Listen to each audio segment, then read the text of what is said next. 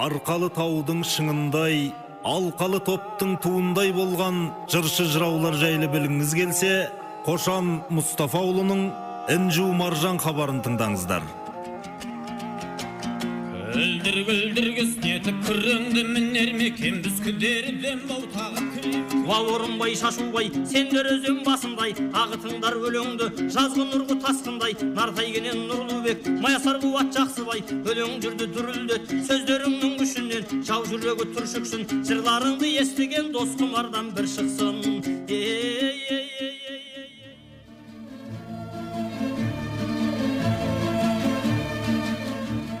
ассалаумағалейкум құрметті өнерсүйер қауым.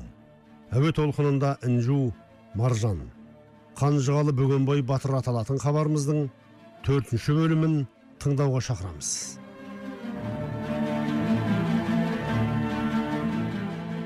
Ақшадан асып туған ер бөгенбай едігеде ел қамын жер бөгенбай қалмақты қысқа күнде қырық шауып үш жүзге олжа салған сол бөгенбай бөкеңнің тұраналы бел баласы би бапан одан туған ер данасы. Бапаннан саққұлақтай атам туып қазақтың атын білмес қай баласы?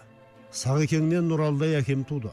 Ол дағы ата баба жолын қуды деп әз тәукенің бас батыры ақшадан бастап қолбасшылық өнердің билік шешендіктің туын асқақтатқан алтын әулеттің ел бағына туған бағлан діңгектері саққұлақ бидің немересі олжабай ақын осылайша тебірене баяндайды деп жазды. Филология ғылымдарының докторы профессор. Қазақстан әлеуметтік ғылымдары академиясының академигі серік негимов.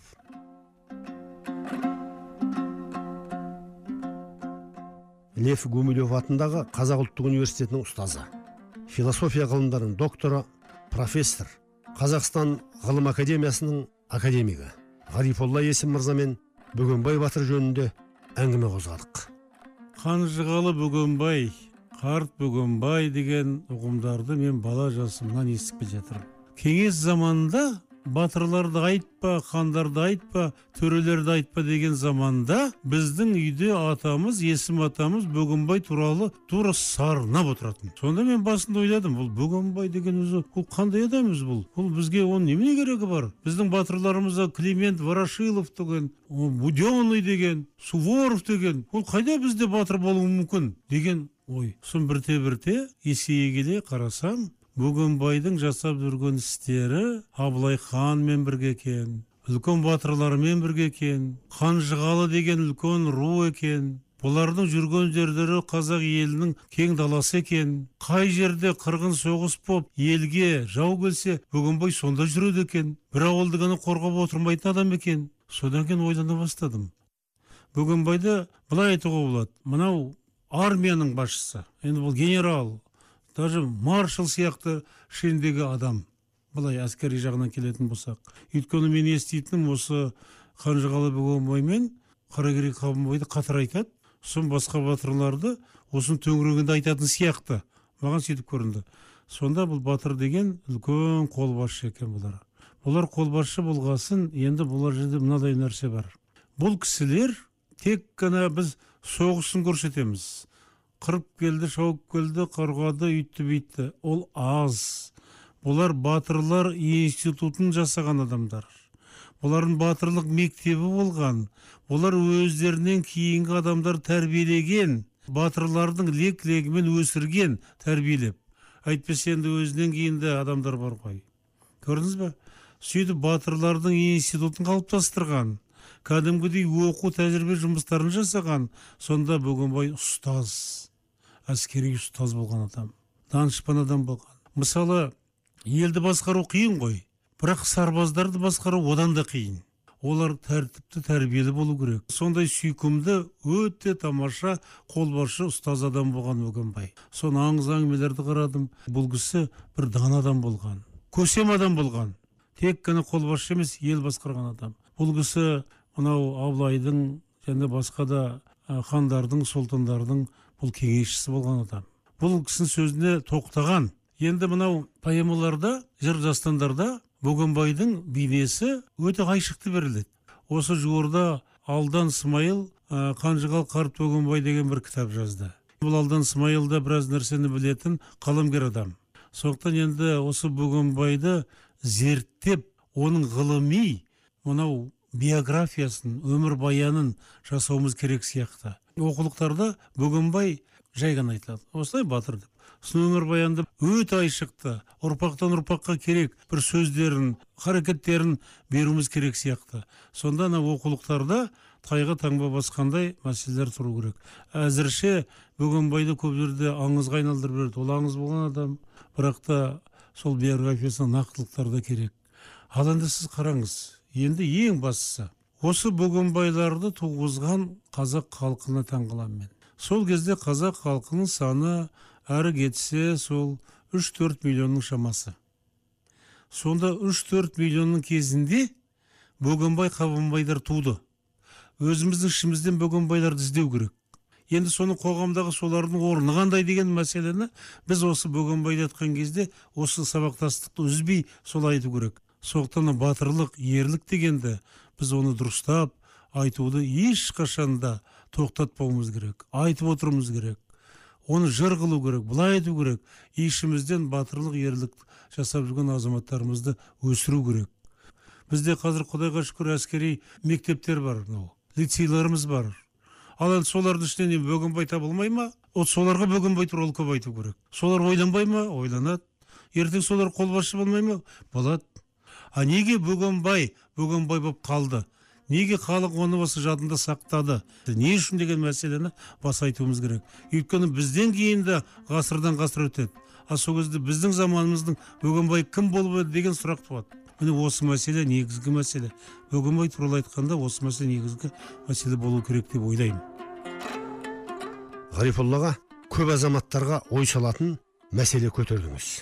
Енді батырға арналған жырымыздан республикалық жыршы термешілер байқауларының лауреаты жыршы аманқос садықтың орындауында үзінді тыңдап алсақ.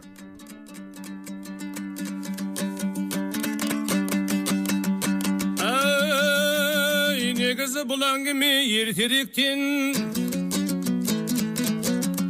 Біреуден біреу оқып айтып өткен сөз құмар болдым жолжаң жас күнімде құлақта қалған сөз ғой кәрілерден ай қошқарбай жантай мантай қазыбегі орта жүзден бөгенбай жәнібегі толыбай малай сары ер өтегені байғазы төлен тулақ батыр атаны баян батыр қарагей қабанбайы кіші жүзден тамай есет ер бөкенбайы арал батыр тайлақтай бәдір бары ұлы жүзден атақты жаныс батыры ошақты саурықтай үндір келе жатыры шапырашты наурызбай сатай бөлек той келді ақша батыр ботбай сәмені жауғаш батыр жан жақты іске көшті ай жар салып әбілмәмбет батырларға алтай қыс даярлығын істей берді атқара тіл болғанда жігіт саялап қару жарақ ат тонын жүр даярлап балқашқа даярланып жиналмаққа үш жүздің батырлары уағда байлап жас шықты жер бетінің қара кетібі жорыққа аттанатын мезгіл жетібі үш жүздің батырларының қолын бастабы балқашқа келе жатыр күн түн қатыбы жағасында аягөздің құрды жатыры үш жүздің қалың қолы шоғырланып балқашта қанмен батыр басын қосты қалмаққа аттанысқан ай даярланып ей.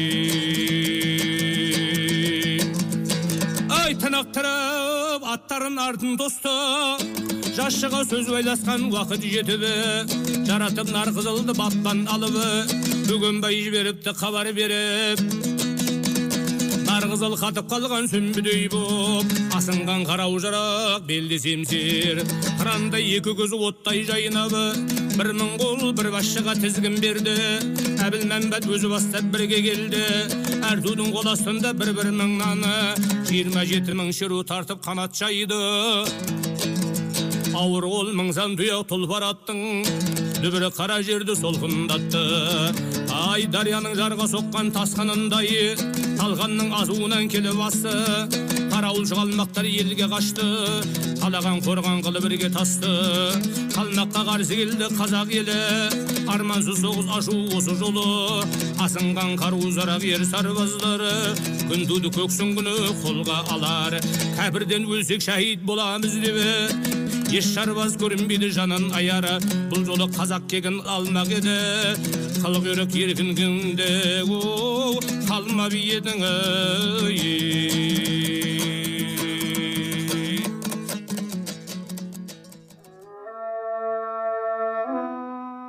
тарлан тарихтың тайғақ жолында тапжылмай қызмет жасап жаста болса бас болып әл фараби атындағы қазақ ұлттық университеті тарих археология этнология факультетінің деканы қызметін атқарып отырған тарих ғылымдарының кандидаты доцент ноғайбаева меңдігүл сағатқызына арнайы алматыға барып халқымыздың ұлы перзенттерінің бірі қанжығалы бөгенбай батыр туралы хабар дайындап жатқанымды айттым.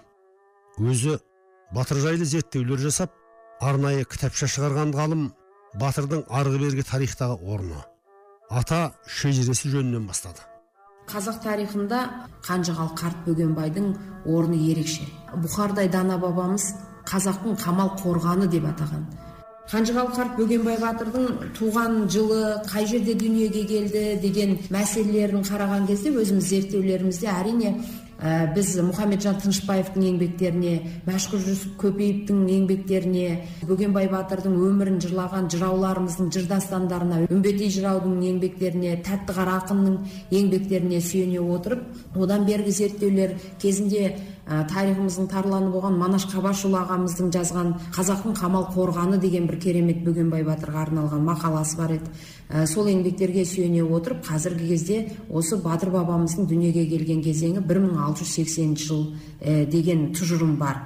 Ә, қалың арғын 16 ғасырдың аяғына таман қаратау маңының аймағында ал 17 ғасырдың аяғы 18 ғасырдың басында қаратау тауларынан солтүстікке қарай сарысу өзенінің орта ағысы мен ұлытау тау жоталарына дейінгі аймақта көшіп қонып жүрген екен. Осы аймақта бөген өзенінің бойында батыр бабамыз дүниеге келген аты сондықтан бөгенбай деп қойылған екен деген. Болжам бар.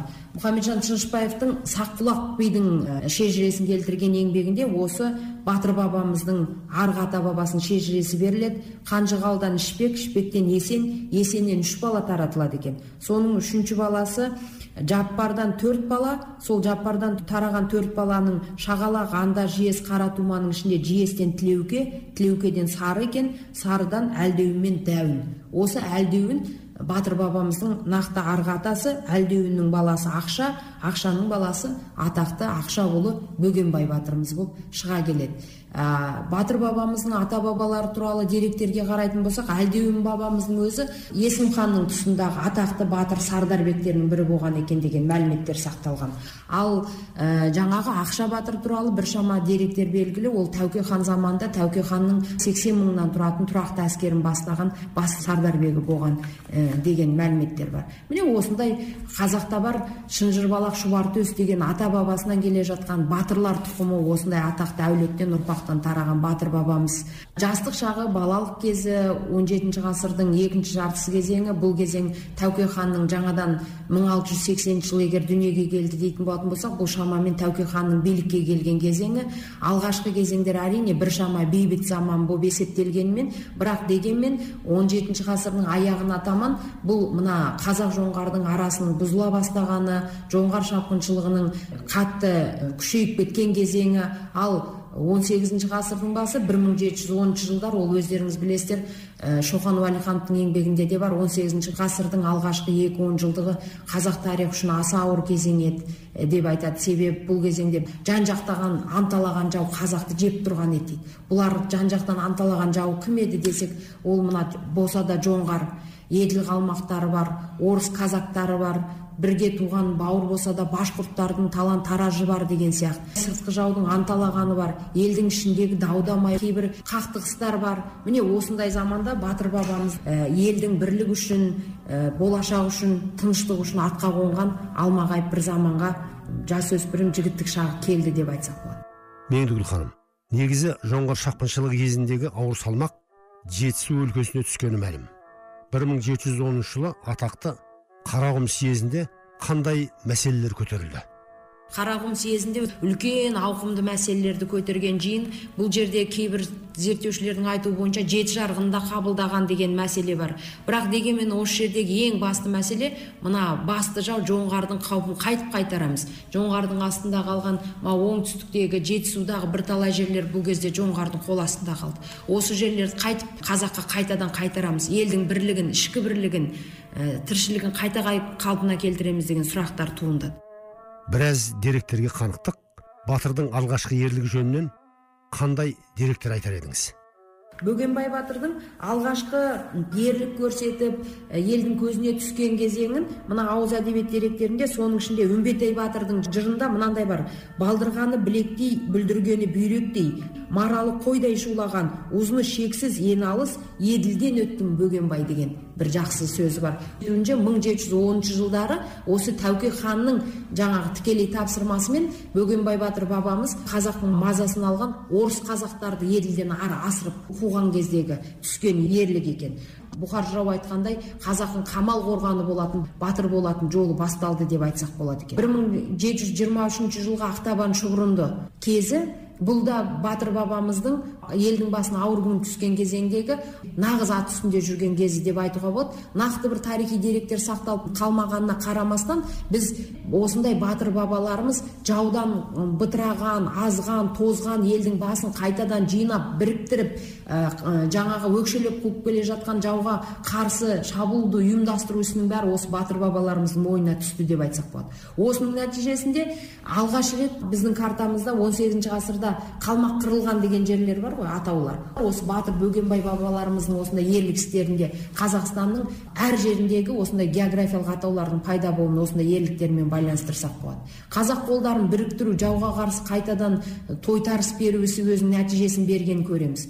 Бір мың жеті жүз жиырма бесінші жылы ақтабаннан екі жыл өткеннен кейін қазақ қолдары түркістанның түбінде қаратаудың бойында жау қолын ойсырата жеңіп оларды ә, жаңа бетін қайтарды. Осының нәтижесінде бір мың жеті жүз жиырма алтыншы жылы ордабасында бас қосты. Әрине бәрімізге белгілі ордабасындағы жиналыста бір ауыз шешіммен әбілқайыр бас қолбасшы болып бөгенбай бас сардарбек болып жауға тойтарыс беретін үлкен армияны бөгенбай батырға басқару тапсырылды. Міне бір мың жеті жүз жиырма алтыдан осы отызыншы жылы аңырақай шайқасына дейінгі кезеңдегі бөгенбай батыр бабамыздың бүкіл қазақтың батырларының бастарын қосып ерлік іс көрсеткенін айтсақ болады. Осы кезеңде батыр бабамыздың қасында кімдер жүрді десек тәттіқара ақынның қамыстың басы майда түбі сайда жәнібек шақшақұлы болат найза алдыңнан су артыңнан жауғызқанда ер жігіттің ерлігі осындайда.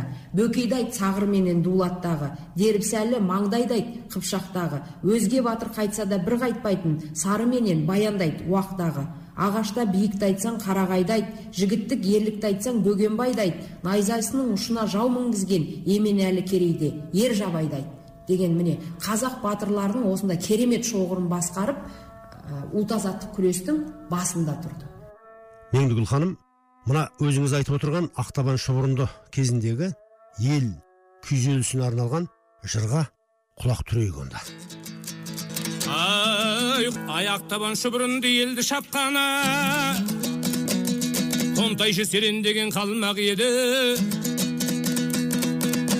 Екі жақ ерте келді қарсыласып майданға жекпе жекке ер шақырып қалмақтың бір батыры жүре берді. Ұлы жүз аға елге кезек келді жаныстың сағын деген інзекені батырлық атақ алған кісі еді өзі бір мықты майданға талай түскені жөнелді бата алып сағын батыры жан қиып қан майданға келе жатыр а қара қасқа ат мінген бурыл сақалы еңгезердей айқасты қалмақ кәбірі екеуі кезек кезек қылыштасып қалмақтың кетті басы доптай ұшып шепте тұр бай жігіт пен бұқар жырауы. Біреуі қаракерей би боранбай танышқылы берді қожа тағы да бар. Қалмаған қатарынан көк жалбырақ асына жолдас қылған затты бегі шетінен озалы жоқ бәрі текті. Ол қолда күші басым еш адам жоқ. Тас жүрек бота қарын таныбектені жасап тұрған жауына қарсы жауып жоңғардың талай жебін қашырыпты. Қалмаққа не қылса да тыным бермей суалап алатаудан ай асырыптың ай. Ай асыл ұшарыстың баласымыз қазақ ұлты тараймыз бір қазақтаны. Бертінде абылай хан болған екені қонысты көкшетауға қонған екен. Тұсында ханға жолдас батыр би боп сол кезде біздің қазақ толған екені батыр би серік болған әрбір елден сүйіндік бұқар жырау уәзір болған. Аты қазақ абылайдың соңына ергені пір тұтқан қара кесек қазыбекті әз батыр шақшақұлы жәнібекті. Қанжығады бөгенбай бір батыры қаракерей қабанбай найман тегі. Ақшадан асып туған ер бөгенбайы едігеде ел қамын жер бөгенбайы қалмақты қысқа күнде қырық шауып ол жасалған ай ер бөгенбай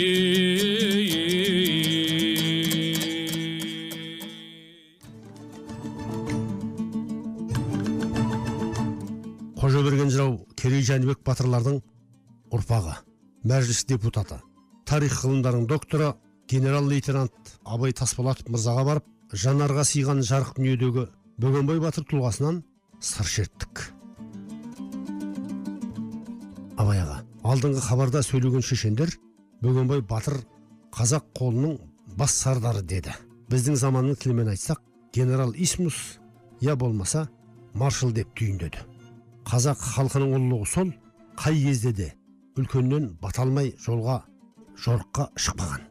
Өзіңізде бүгінде бұрынғының соңы қазіргінің алды болып бара жатқан жағдайыңыз бар. Сізді қартайдыңыз деп отырғаным жоқ. Көпті көрген азаматсыз сізден бөгенбай батырдың жолы болуына тілектес пікірлес болған ақсақалдарымыздың баталары жөнінде сұрасам деп отырмын. Қожаберген жырау қырық үш жылы аттан түспей сол қолбасшы болып тұрып үш жүздің сарбаздарымен сол әлгі жорыққа шығып жоңғарға қарсы жүргенде содан кейін енді шаршаған уақыт та болған шығар. Сонда астаукенің алдына келіп тұрып айтады ғой енді. Сондай сондай менің енді босатыңыз дегенде. Сонда кім бар дегенде сол жас бөгенбай батыр деп. Келісім бергеннен кейін қожаберген жырау өз батасын береді. 15 жыл үлкен болса да. Ол ана машқұр жүсіптің жиырма томдық жинағында да бар. Сонда қожаберген жыраудың батасы былай болған екен. Бабадан қожаберген бата алған бөгенбай қанжығалы сардар болған. Ел қорғап қамал бұзып даңқы шығып оған да бақыт пенен әруақ қонған деген екен. Абай аға өзіңіз әскери адамсыз. Сол бір ауыр кезеңдерде біздің әскерлеріміз қазақ қолдарының ауыр жеңілістерге ұшырауының себебі неден болды деп ойлайсыз? Ол енді былай. Біріншіден мынау тәуке хан өмірден өткесін 1715 жылдан кейін. Оның мұрагері болат ханның тұсында қалмақтар қазақ даласында еркін жортып жүрді ғой.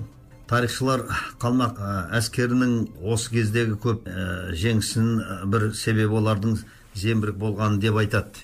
1709 жылы полтаваның түбінде тұтқынға түскен швед артиллериясының сержанты йоган густав ренат деген қалмақтарға қаһарлы қаруды құюды үйретті сол кезде. Сол зембіріктердің арқасы елімайда қожаберген жазады доп дейді. Атылып аттарға шапқанда аттар қорқып үркіп. Ол кездерде ондай зембіріктерді көрмеген дүние ғой. Әлгі бес қару деген содан шығады ғой. Сол қылыш найза ә, шоқпар сондай сондай. Доп деген анау зембіректің үлкен үлкен оқтары сондай. Енді бір мәліметтер де бар. Ренат густав екі мыңдай кіші зембірек істеген жоғаңғырларға ал енді елуден артық үлкен зембіректер істеген екен. Сол ренат 1733 жылдары сол, сол жоңғарлардың арасында болып тұрып сол көмектескен ғой. Қараңызшы. Аға меніңше біздің әскерлердің сондай қаруларға қарамай жеңіске жетуі елін жерін ұлтын ұрпағын шексіз сүйгендігінің белгісі болса керек. Сонымен қатар жаңа өзіңіз айтқанда елдің батасының арқасы ау деп ойлаймын.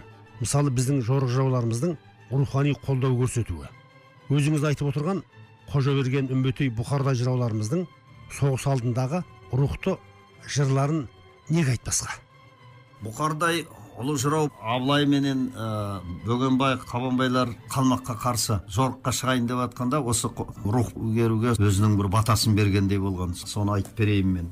Уа ерлерім ерлерім ерлерім бүгін ерлердің. Соғыс салам тағы деп дұшпан тіліне ермегін. Асықпа ажал аузына. Татар дәмін таусылса берерсің сонда бермегін. Қаракерей қабанбай қанжығалы бөгенбай шапырашты наурызбай ту түбінде тұр еді ай. Айбатты бұл күн абылай. Қиядан қиқу салғанда қазағым халқым батырым. Дұшпанның жерге тіреді ә, бауырын сөгіп іреді. Ерегіскен көп дұшпан қара жерге кіреді. Қазақ деген халқының батыры шыққан даңқынан текеден шыққан сатай бөлек келді туға жанасып. Батырлардың асқары қазыбек ұлы қасқары қауменде дәулет қасында бақ дәулет басында. Сенкібай мен шойбек бар таңсық қожам мәмбет бар осылардың қосында. Қара күшім молдабай. Бәрін өткірсің ау ығай мен сығай. Бағайым бар суаннан ат жалын тартып мінгенде барлық елі қуанған асылдан шыққан еспенбет қалмақтың жолын кескен көп. Жаурыншы көріп кел албаннан асқан қан келді. Қарақалпақ жиналып алдына тартты жан келді. Сәменім ерім ботпайым екі көзі оттайым. Кезулші көк барақ жансыз қалмақ таппады арасынан көп қарап қалай айтпан шымырды шымырдан шыққан қой келді жауын тапап жымырды бәрілерің жиыл деді тас түйін боп үйіл деді абылай хан береді енді қазір сыйын деді деп ана батырларға осындай міне өлеңдетіп ә, рух беру үшін жорыққа шығып жеңіп келсін деген бұқар жыраудың ә, батасы қандай ғажап сөздері? Генерал мырза мына хабарымыздың аяқталуына аз қалды. Тағы да қосарыңыз болса. Енді батырлығы бөгенбай батырдың бәрімізге мәлім бірақ соның өзінде де бұл жастарға жеткізуіміз керек айтуымыз керек. Бүгінгі күні бірнеше кітаптарда шығып отыр. Сондай батырлар болмаса біздің еліміз мынандай тәуелсіздікке жетеміз бе? Мынандай кең байтақ жерлері алып қалына ма екен сол кездерде? Көрмейсіздер ме жоңғар шапқыншылықтың уақытында біз қырыла жаздап быт шытымыз шығып елу пайыздай қайда кетіп қайда жойылғанда жағдай болды ғой. Сонда міне мынандай бөгенбай батырлардай батырларымыз құдайға шүкір болды. Солар ә, бастап жорыққа шығып сондай жоңғарларды жеңіп біз сондай мына міне жақсылыққа жеткізіп отқанымыз содан деп ойлаймын. Абай аға мынау жыраулардың жырларын жатқа айтатын өзіңіздей генералдар көп болса қазақ тілінің де мәртебесі өскен үстіне өсер еді ғой шіркін. Осы батырларға бата беріп жол сілтеп жүрген бұхар бабамыз сол кезде сексеннен асып кеткен екен. Ендеше дәл бүгін сексеннен асып отырған жырау төрт қара төлеу қосан ақсақалдың орындауында бұхар бабаның толғауын тыңдап көрейік. Елін жерін суын қаптап келген жаудан қорғауда ерлік көрсетіп ер атанған қабанбай бөгенбай наурызбайларды жырына қосады. Және оны халық алдында паш етіп хан алдына шашынан айдар естіреді сонымен бұхар жыраудың о қалай қалайық деген толғауын тыңдайық.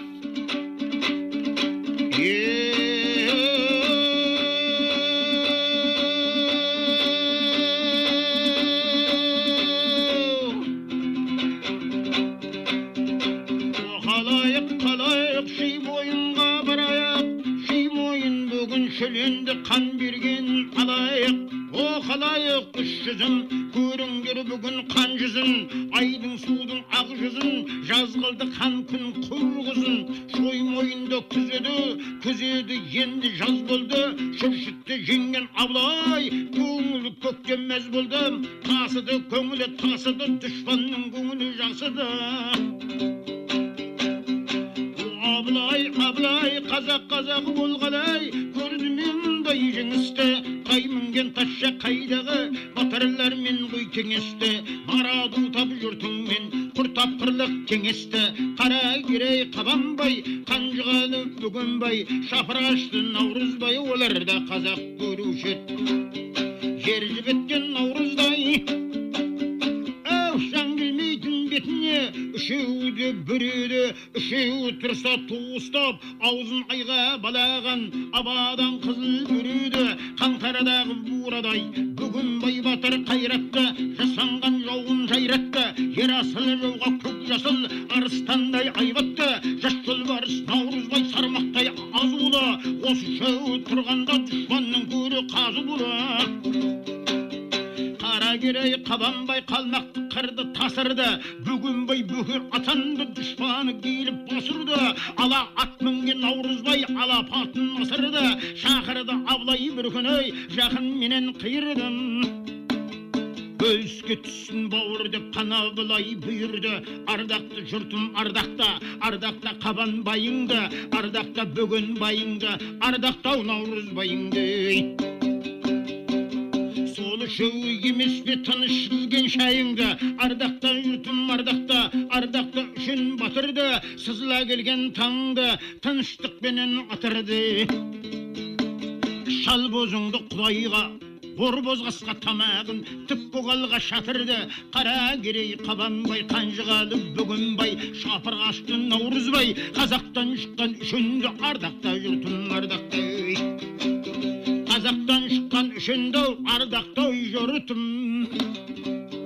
әу ардақта.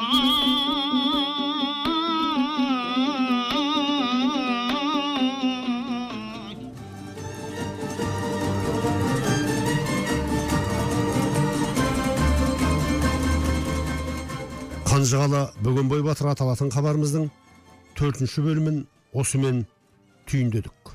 Қатысқан қонақтарымыз академик ғарифолла есім.